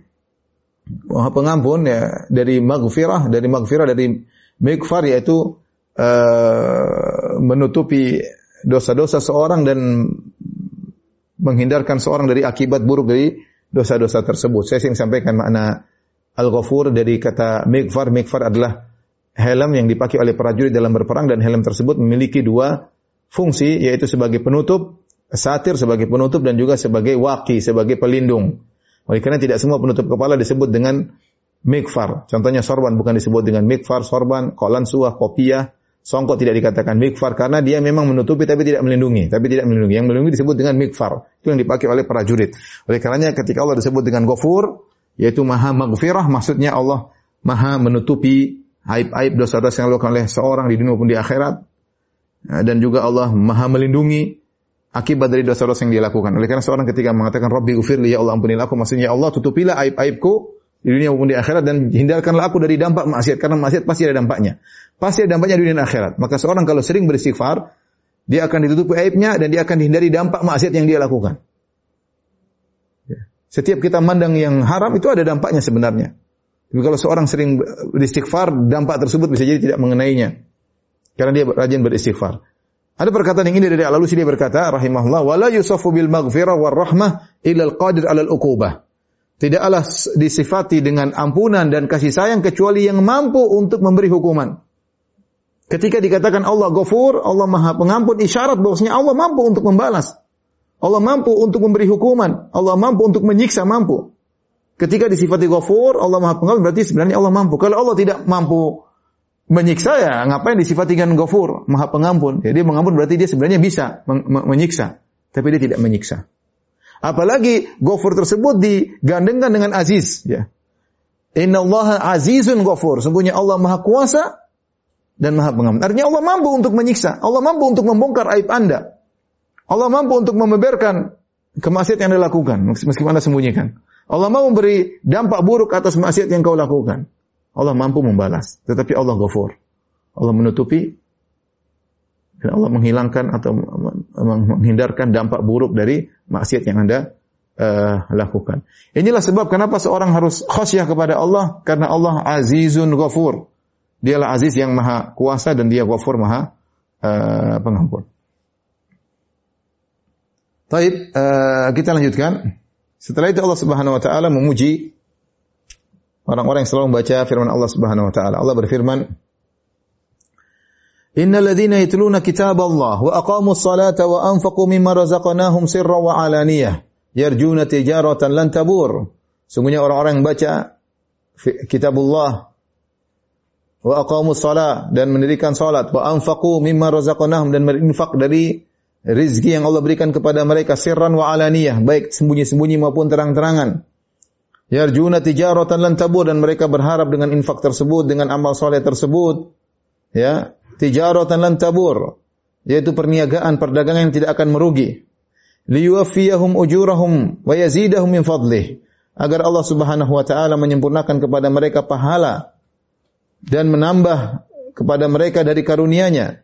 Innahu ghafurun syakur, sungguhnya Allah Maha Pengampun lagi Maha mensyukuri, lagi Maha mensyukuri. Ini dua ayat berurutan 29 maupun 30. Allah sebutkan tentang orang-orang yang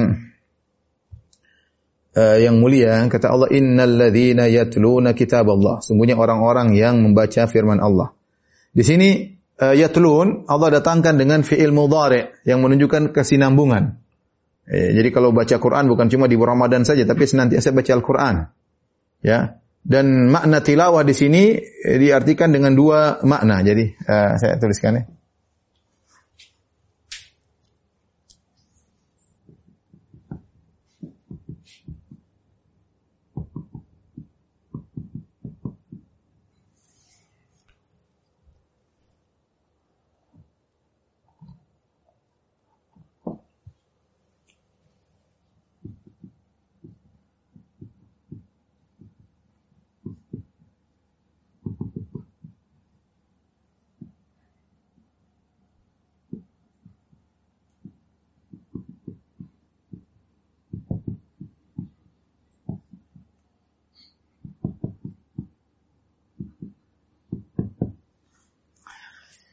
Uh,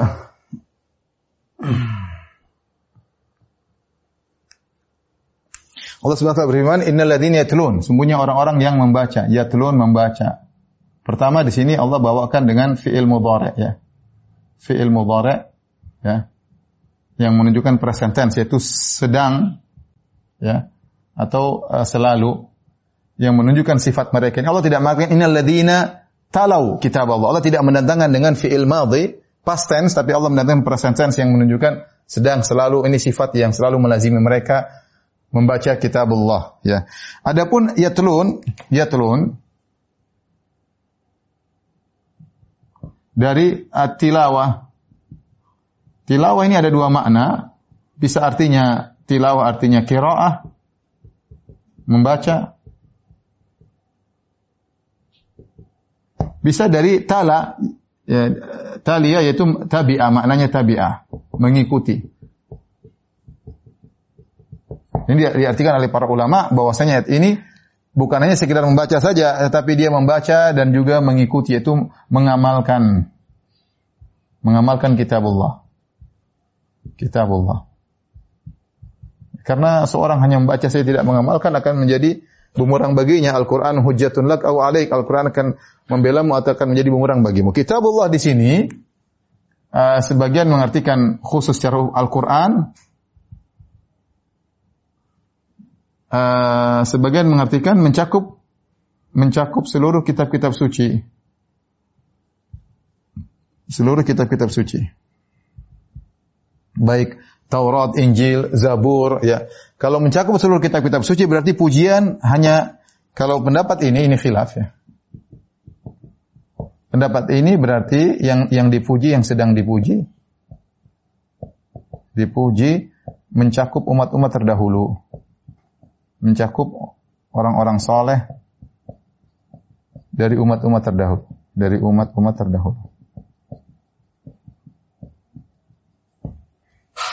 Kemudian wa aqamus shalah dan di antara ciri mereka wa aqamus shalah wa anfaqu mimma razaqnahum. Ya, wa anfaqu mimma razaqnahum. Mimma di sini uh, zahirnya adalah uh, ada yang mengatakan uh, libayanil jins, ada yang mengatakan litab'id min. Di sini bisa artinya libayanil jins. Bisa litab'id. Litab'id maksudnya parsial ya jenis maksudnya uh, dari ya, jenis.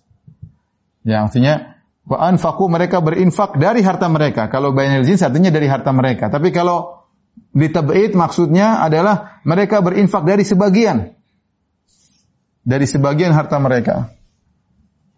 Kalau li bainal cukup diartikan dari, tapi kalau litab'id maksudnya dari sebagian sebagian dari sebagian harta mereka. Yang ini menunjukkan bahwasanya ketika mereka berinfak lam yusrifu lam yusrifu yaitu mereka tidak tidak habis-habisan. Tapi mereka berinfak sebagian dari harta mereka ya. Ya Allah sudah puji tidak bukanlah dipuji oleh Allah harus berinfak seluruh harta seperti Abu Bakar radhiyallahu anhu. Tidak semua orang eh, bisa melakukannya dan sebagian orang akhirnya tidak mampu untuk mengayomi dirinya sendiri ketika dia berinfak secara seluruhnya. Tapi sudah cukup Allah memuji orang-orang yang berinfak sebagian hartanya. Ya, sebagian hartanya. Zakat dia keluarkan, sebagian sedekah dia keluarkan. Sirran wa alaniyah, baik uh, sembunyi-sembunyi maupun terang-terangan. Ya, sembunyi-sembunyi maupun terang-terangan. Sirran maksudnya sembunyi-sembunyi, tidak ada yang lihat. Maksudnya alaniyah terang-terangan.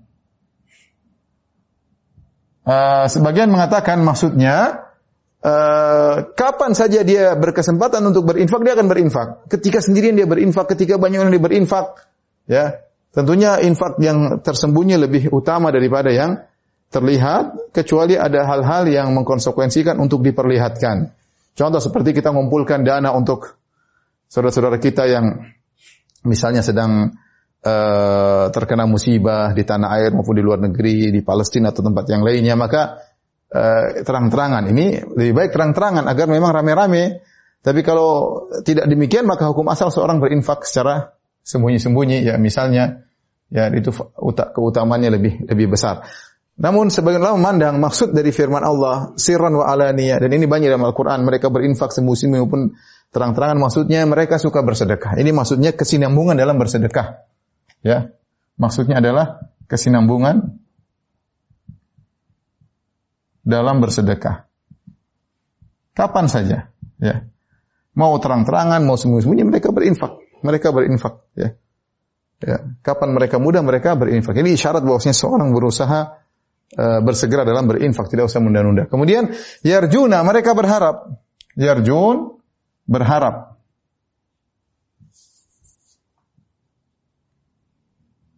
Ya. Ini menunjukkan roja mereka ya.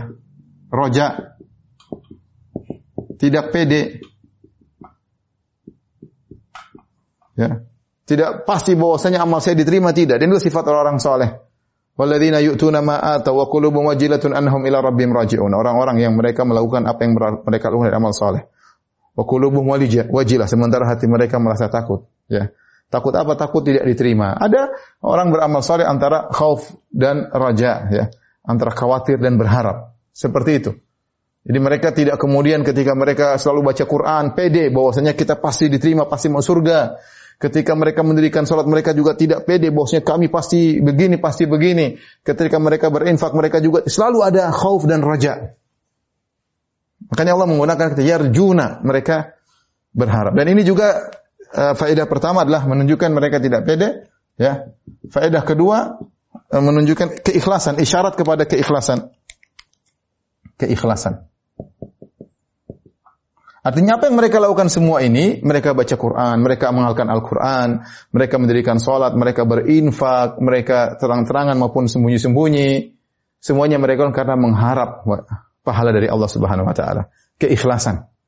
Ya, mereka mengharap bukan karena niat-niat yang buruk, ria, sum'ah dan yang lainnya untuk disanjung, untuk diakui, untuk dihargai. Ya, ya kita sebagian orang menceritakan amal soleh dia agar, agar di, dihargai dia tampakkan amal soleh dia agar dia diakui. Mungkin nggak ada yang mau ke dia, maka dia perlu cerita. Saya begini, saya sudah bangun ini, saya sudah ini, saya sudah menyumbang sekian sekian untuk diakui. Dia dapat pengakuan tersebut dari manusia. Tapi adakah pengakuan dari Allah? Kemungkinan tidak ada. Karena dia sedang berharap yarjuna ya pengakuan manusia, berharap pengakuan manusia. Di sini Allah Subhanahu wa taala menyebutkan yarjun, maksudnya keikhlasan, tidak mengharap pengakuan manusia. Tapi mengharapkan pahala dari Allah. Tapi pahala dari Allah.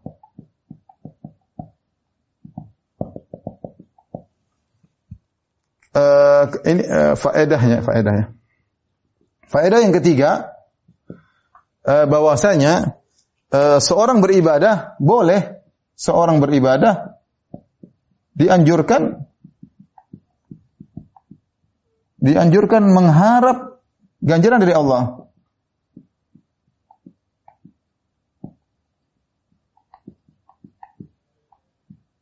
Baik surga ataupun yang lainnya. Karena lihat, yarjuna tijaratan, mereka mengharapkan perdagangan dari Allah lan tabur yang tidak akan yang tidak akan merugi, ya. Karena sebagian sufi yang makan tidak boleh kamu beribadah karena mengharap pahala, tidak boleh kamu beribadah mengharap karunia Allah. Ini tidak benar. Allah Subhanahu wa taala memuji orang-orang yang hebat.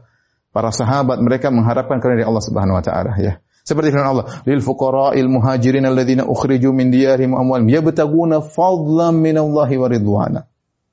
Orang-orang kaum muhajirin yang terusir dari negeri mereka, meninggalkan harta mereka, yabtaguna fadlan minallahi wa ridwana. Mereka mengharapkan karunia Allah dan mereka mengharapkan keridhaan Allah. Jadi mengharapkan pahala enggak masalah.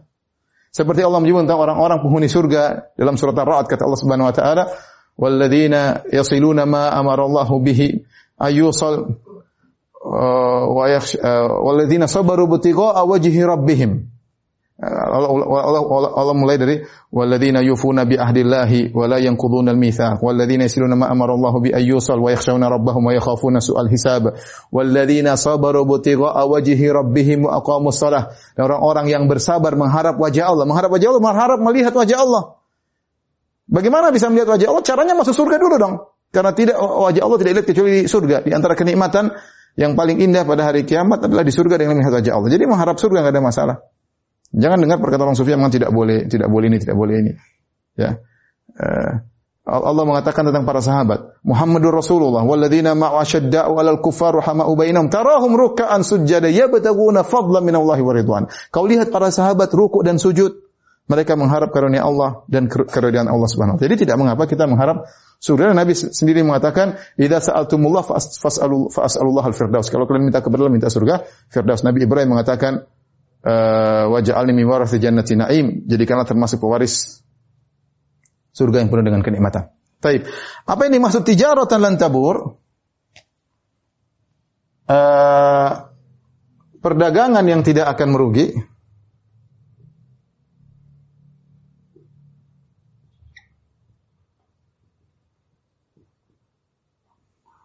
Allah uh, menyebutkan hal ini sebagai gambaran kepada manusia. Terkadang Allah sebut perdagangan, terkadang Allah menyebut dengan mandalladzi yuqridullah qardan hasana uh, pinjaman yang baik kepada Allah. Ini semua agar agar hamba yakin bahwasanya semua ini adalah ada hasil. Terkadang Allah mengatakan ujur. Ujur itu upah. Artinya kamu kamu beramal itu pasti ada ganjarannya.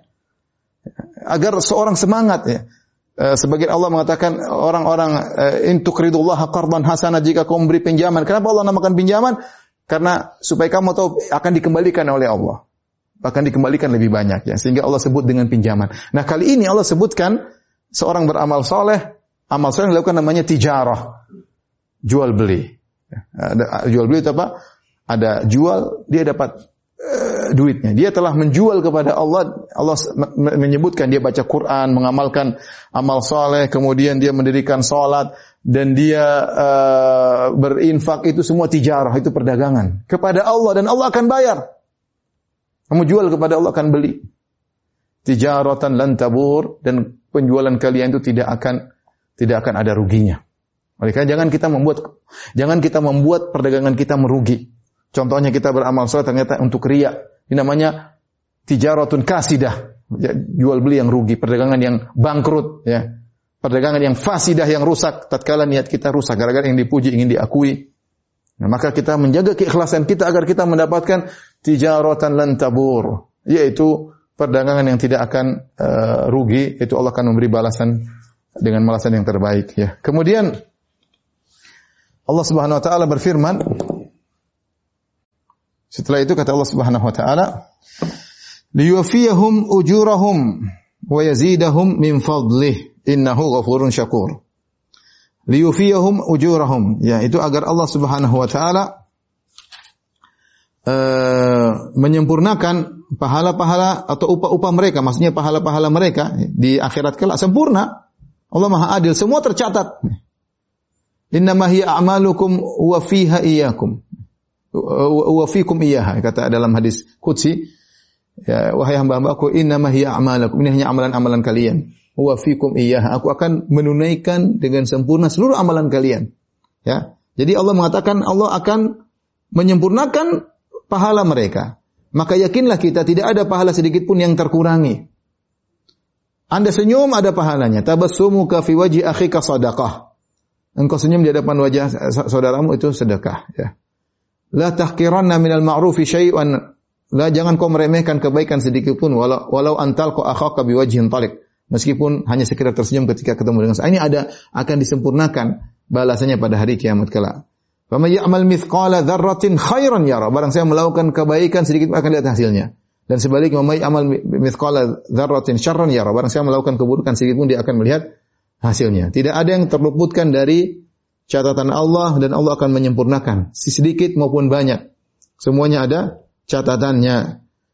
Orang-orang beriman akan disempurnakan balasannya. Ya, ini ini secara umum tapi ayat ini konteks ini berkaitan dengan orang-orang yang beriman. Setelah Allah sebutkan tadi yaitu uh, innalladzina yatluna kitaballah wa aqamus salata wa anfaqu mimma razaqnahum sirra wa alaniyah. Orang-orang yang selalu membaca Al-Qur'an dan mengamalkannya, yang mendirikan salat, yang berinfak. Bagaimana mereka ini? Kata Allah liyufiyahum ujurahum. Allah akan menyempurnakan pahala mereka. Bukan cuma disempurnakan pahala mereka, bahkan wa yazidahum min fadlih. Allah akan uh, wa yazidahum min fadlih menambah bagi mereka dari karunia Allah Subhanahu wa taala, ya. Apa tambahan tersebut? Maka ada beberapa pendapat disebutkan oleh Alusi rahimahullahu taala. Apa tambahan tersebut? Ada yang mengatakan tambahan tersebut ya, di antaranya Allah mengizinkan mereka untuk memberi syafaat kepada orang-orang yang diizinkan oleh Allah, dimuliakan. Pahala dia sudah sempurna, Allah izinkan lagi kasih syafaat kepada orang-orang yang diizinkan oleh Allah Subhanahu wa taala ya. Ini eh, satu. Pendapat kedua dikatakan bitafsihil qulub. Setelah diberikan pahala, diberikan lagi di antaranya kelapangan dada. Antara satu dengan yang lainnya dicabut segala uh, kedengkian gundah gulana ya. Wa naza'na ma fi suduri min ghillin ikhwanan ala sururi mutaqabilin. Kami cabut dari dada mereka ghil ya, sehingga mereka dada lapang berhadapan-hadapan di antara satu dengan yang saling saling berhadapan dengan penuh uh, kegembiraan ya. Ada yang mengatakan wa yazidu min fadli bi tat'ihim hasanatim dengan ditambah yang ketiga ditambah maksudnya ditambah ganjaran mereka seharusnya mereka dapatnya sekian Allah tambah. Allah tambah ya. Ini namanya yazidu min fadli. Ada yang mengatakan wa yazidu min fadli dan ini adalah uh, makna ziyadah maksudnya bin nazar ila wajhi ta'ala al-karim dengan melihat wajah Allah pada hari kiamat di surga kelak ya di surga kelak. Ini di antara empat pendapat makna dari wa yazidahum uh, uh, min fadli. Kemudian Allah tutup ayatnya dengan mengatakan innahu ghafurun syakur. Sungguhnya Allah itu Maha Pengampun lagi Maha Syakur, Maha membalas kebaikan. Ya. Allah Maha Pengampun lagi Maha membalas kebaikan. Ini ta'lil kata Al-Alusi, ta'lil lima qablahu minat tawfiyah wa ziyadah. Ini sebagai uh, dalil ya bahwasanya kenapa Allah menyempurnakan dan Allah menambah karena Allah itu Ghafur Syakur. Kenapa Allah uh, menyempurnakan menambah karena Allah Ghafur dan Syakur. Dari sisi Ghafur yaitu Allah mengampuni dosa-dosa orang-orang yang taat. Namanya orang yang taat tidak sempurna. Dia pasti melakukan suatu salat yang mungkin kurang khusyuk. Mungkin dia sedekah masih ada kesalahan-kesalahan ya. Mungkin dia haji tapi masih ada kesalahan-kesalahan. Karena Allah ingin menyempurnakannya, caranya gimana? Allah maafkan kesalahan-kesalahannya. Siapa di antara kita yang ibadahnya sempurna? Enggak ada. Salat kita enggak sempurna, bacaan kita enggak sempurna, bacaan baca Quran pikirannya ke mana-mana ya. Sholat pikirannya ke mana-mana, malas-malasan. Haji umroh, terkadang kita haji umroh sampai terkadang tidak bisa menjaga pandangan. Banyak hal yang ibadah kita nggak ada yang sempurna. Maka bagaimana bisa disempurnakan hari kiamat? Di antaranya Allah ghafur, Allah mengampuni hal-hal tersebut. Agar ganjaran tersebut sempurna. Kemudian Allah syakur. Allah syakur itu Allah kalau membalas lebih daripada yang yang dilakukan ya. Ini uh, kalau bahasa bahasa Indonesianya syakur itu pandai berterima kasih. Pandai berterima kasih, pandai membalas. Dia membalas lebih daripada yang seharusnya. Inilah Allah Subhanahu wa taala, syakur. Amal sedikit dibalas dengan kebaikan, dengan ganjaran yang sempurna. Sempurna dan abadi. Sempurna dan abadi. Inilah kenapa Allah mengatakan liyuwafiyahum ujurahum wa yazidahum min fadlih. Allah agar menyempurnakan pahala mereka dan menambah karunia Allah kepada mereka. Kenapa? Karena Allah ghafur syakur. Subhanallah ini apa namanya uh, penjelasan yang menakjubkan dari Al-Alusi rahimahullahu taala dalam uh, tafsirnya. Uh, taib uh, kemudian uh, Allah berfirman, "Walladzi auhayna ilaika walladzi auhayna ilaika minal kitabi huwal haqq." Kata Allah yang kami wahyukan kepada engkau dari Al-Qur'an ya. Huwal haq itulah yang benar. Itulah uh, yang benar. Seakan-akan ya, yang benar cuma Al-Quran saja, ya. Kenapa sampai Allah mensifati huwal hak itulah yang benar ya? Ya karena sebagian dikatakan oleh sebagian ulama seperti Sa'di likathrati mashtamala alaihi minal haq ka'annal haq munhasirun fihi. Karena terlalu banyak kebenaran yang dibawa oleh Al-Quran bahkan seluruhnya dari awal sampai akhir adalah kebenaran sehingga seakan-akan kebenaran cuma Al-Quran. Ya. Dan itu benar ya, artinya Al-Quran ditinjau dari awal sampai akhir yang benar, maka cuma Al-Quran. Yang lainnya ada benarnya, ada salahnya. Ya, ada ada benarnya, ada salahnya. Al-Quran dari awal sampai akhir benar. Tidak ada kesalahan. Dan kebenarannya dari segala sisi. Dari sisi kabar tentang masa lalu, tentang masa depan, dari hukum-hukumnya, dari adab-adab yang diajarkan, tentang hal-hal goib. Banyak hal di, di, di, dikabarkan oleh Al-Quran, dan semuanya benar. Ya. La ya'tihil batilun baina yadayhi min khalfihi. Tidak ada kebatilan sama sekali baik depan dari belakang. Makanya disebut dia huwal haq. Dialah yang satu-satunya yang benar dari sisi ini. Allah alam bisawab ya. E, bahwasanya e, dia yang benar. Beda dengan beda dengan kitab-kitab terdahulu ya mengalami perubahan, mengalami e, distorsi atau ditambah, dikurangi dan macam-macam ya. E, Al-Qur'an itulah huwal haq. Ya di sini ada ifadatul hasr seakan-akan hanya Al-Qur'an yang benar, itu yang benar. Al-Qur'an benar ditinjau dari sisi seluruh dari awal sampai akhir benar, tidak mengalami dijaga oleh Allah Subhanahu wa taala, tidak ada kebatilan dari belakang maupun dari depan, dari segala sisi adalah benar ya. Makanya dia yang satu-satunya yang paling paling benar ya. E, musaddiqal lima baina yadayhi dan dia membenarkan kitab-kitab terdahulu, membenarkan rasul-rasul terdahulu. Dalam Al-Qur'an diceritakan tentang para rasul terdahulu, diceritakan tentang kitab-kitab suci terdahulu ya. Eh kemudian Allah berfirman Inna Allah bi'ibadihi la khabirum basir.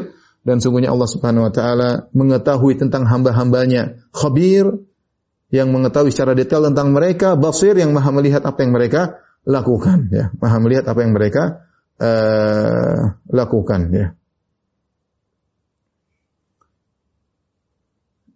Memotivasi eh, orang-orang uh, untuk beriman kepada Al-Qur'an dan untuk mengamalkan Al-Qur'an karena Allah Maha melihat apa yang mereka lakukan dan Allah mengetahui khabir secara detail bagian dalam mereka. Bukan cuma zahir yang diketahui oleh Allah, batin mereka juga diketahui oleh Allah. Sehingga seorang berusaha untuk beribadah kepada Allah dengan sebaik-baiknya.